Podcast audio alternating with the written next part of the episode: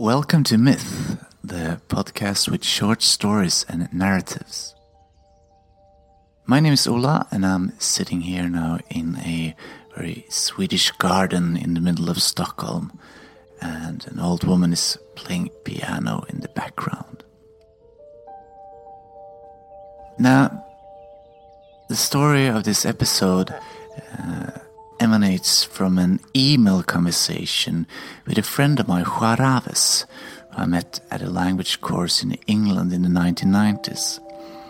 Now, at one point, he told me about a friend of his that had been madly in love with a woman, but for some reason I couldn't understand and I couldn't get her. So, without any further introduction, let's visit the village of Saranquito.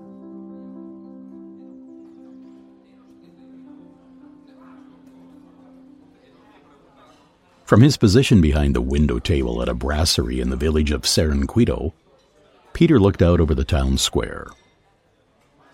After observing an old woman feeding doves with breadcrumbs, he looked down on the sleeves of his jacket and brushed away a hardly noticeable piece of hair. Mariana arrived ten minutes late. She smiled and sat down on the opposite side of the table. Peter had fancied her for more than two decades, from the day she entered his classroom and was presented as a newcomer. The waiter came over, and Mariana ordered a cup of tea, and Peter ordered coffee and a croissant. Peter was just about to ask Mariana about her new work at the municipality when her phone rang. I'm going to have to take this. It's a guy I'm dating, she said. Half an hour later, Peter walked lonely across the square from the brasserie, thinking to himself that it was time for him to fully accept that Mariana was, and always had been, a forever distant dream. But as he passed the old village church, an idea came to him. In the crypt of the church of Saranquito were the remains of a man and a woman. The couple had arrived in the early spring of 1964 with a mission to awaken the conservative community to the ideas of socialism. After gaining a quite substantial following, soldiers were sent to put an end to the uprising. The couple hid in a barn for some days until they were tipped off by a local peasant. They were brought to the town square and executed. Since then, their ghosts have been observed at least three times. The first observation was made by a boy on a late summer's evening in 1967. He had come running home to tell his mum, telling her that he'd seen a weird luminescent man and woman dressed in white, holding hands, walking the streets of Saranquito in the direction toward the ocean. The next day, his mum told the neighbors, and soon the whole village was gossiping about the incident. It didn't take long until it was unanimously concluded that it must have been the ghosts of the executed couple that he had seen. And as the boy, a short time after the event, asked his mum to buy a lottery ticket from which he won $1,000, the villagers additionally concluded that seeing the ghost of the couple was a fortunate sign.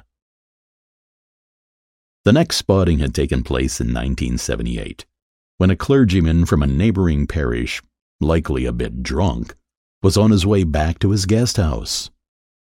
Knowing about the boy's story with the lottery ticket, he immediately wished that he someday would be able to work in the Vatican. Likely, this was a way to compensate for the fact that ghost spotting was not fully aligned with his Catholic worldview. However, within a year, he got a letter from the secretary to the Pope asking him to join his team in the Vatican. Peter did not believe in any of this. He considered the whole thing as some kind of local mania. And he especially had concerns with the third known spotting. It was Gregorio, a rich businessman born and raised in Saranquito, who had been driving through the village on an evening in August of 1985. Upon seeing the white dress couple, he became so excited that he drove his car into a lamppost. But he immediately gathered himself, opened the door, and stepped out onto the street, shouting so the entire village could hear I want my son back. His son had been missing for almost a decade after disappearing from a bathing resort and was declared dead. But within a couple of weeks, no less than three people contacted Gregorio claiming to be his long lost son. But on the other hand, Peter thought to himself, what do I really have to lose? If I managed to get a glimpse of the couple, I could wish for something that would make Mariana love me.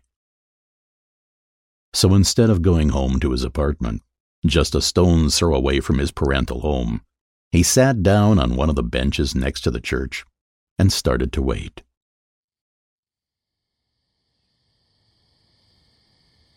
For the first hour, it was still light. He entertained himself with his cell phone. A cat came by to say hello, but soon disappeared behind a tombstone. During the second hour, his phone died, and he started to observe the darkening village, the old stone houses, and the marble sculptures in the graveyard. He saw the shadow of a friend hurrying by on a parallel street. During the third hour, when it was past midnight, he started talking to himself. What shall I wish for if I see them? he said. Maybe for her heart, he replied. Too brutal and old school. Something else. Something more intelligent. Maybe I can ask for this evening never to have happened. To get a new chance for a first date.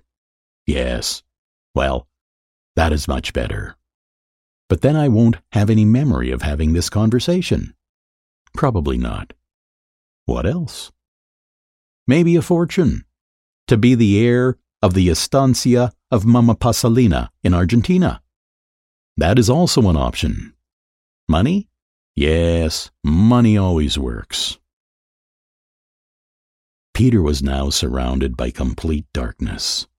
Only the moon lit up the graveyard and the small stone houses surrounding it. A distant sound, like that from a door being closed, came to him. What was that? he whispered. Probably nothing, he answered. Could it be the couple? Don't be foolish.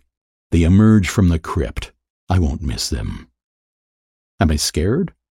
No, I am not. What'll I do? What'll I say? At that moment, Peter decided to stand up to stretch his legs. But blood wouldn't reach his head fast enough. Everything spun in different angles, and subsequently, consciousness was lost. The next morning, Peter woke up in his bed. He went into the bathroom and watched himself in the mirror. No injuries to his head, nothing.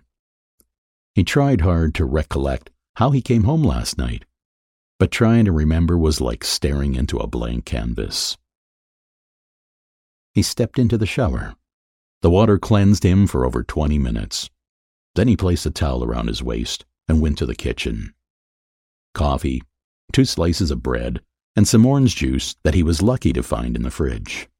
He yawned curiously and felt refreshed and alive.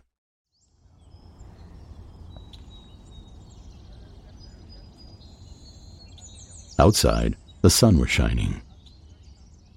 A neighbor waved at him from across the street, and he waved back. Then he took right and walked with decisive steps until the church and the graveyard was in sight. At that moment, he suddenly stopped. To his surprise, he saw someone lying on the bench where he had been sitting last night. It couldn't be true he thought to himself. But as he slowly came closer, there was no doubt. He knew himself well from mirrors, photos, and reflections. However, he had never before seen himself sleeping on a park bench. Wake up! It's morning, he said, while tapping himself on the shoulder. A long snore as a reply. Wake up, he repeated. The body moved slightly. Eyes were opened. Ah, how long have I been sleeping? No idea, but it's morning. Please, let me sleep a bit longer. No, talk to me. What happened yesterday? You have to tell me. Peter slowly sat up on the bench. I fell asleep. That happened. Did I see the couple? I don't know. Not from what I remember. A bird whistled from a nearby rooftop. So, what do I do now? I have no idea. I guess I can't be seen together. With me? Yes, with me. You mean it can't be two of us? Yes, or maybe it can. Do you think we will ever find out what happened yesterday? Probably not. It could be that we saw the couple and wished for something we can't remember. It could be. The wind blew in a tree nearby. But do you know what's funny? What? Mariana. I don't think of her anymore.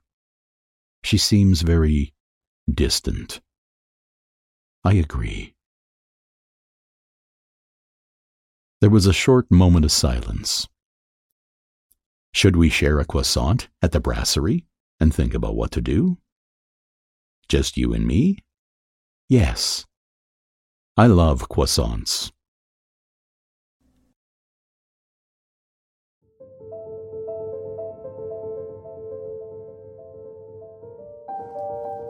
Now, if you like this podcast, you can subscribe to it. And if you want to get in contact, the easiest way is to find me on Instagram. You'll find my name in the title of this episode. Ta ta.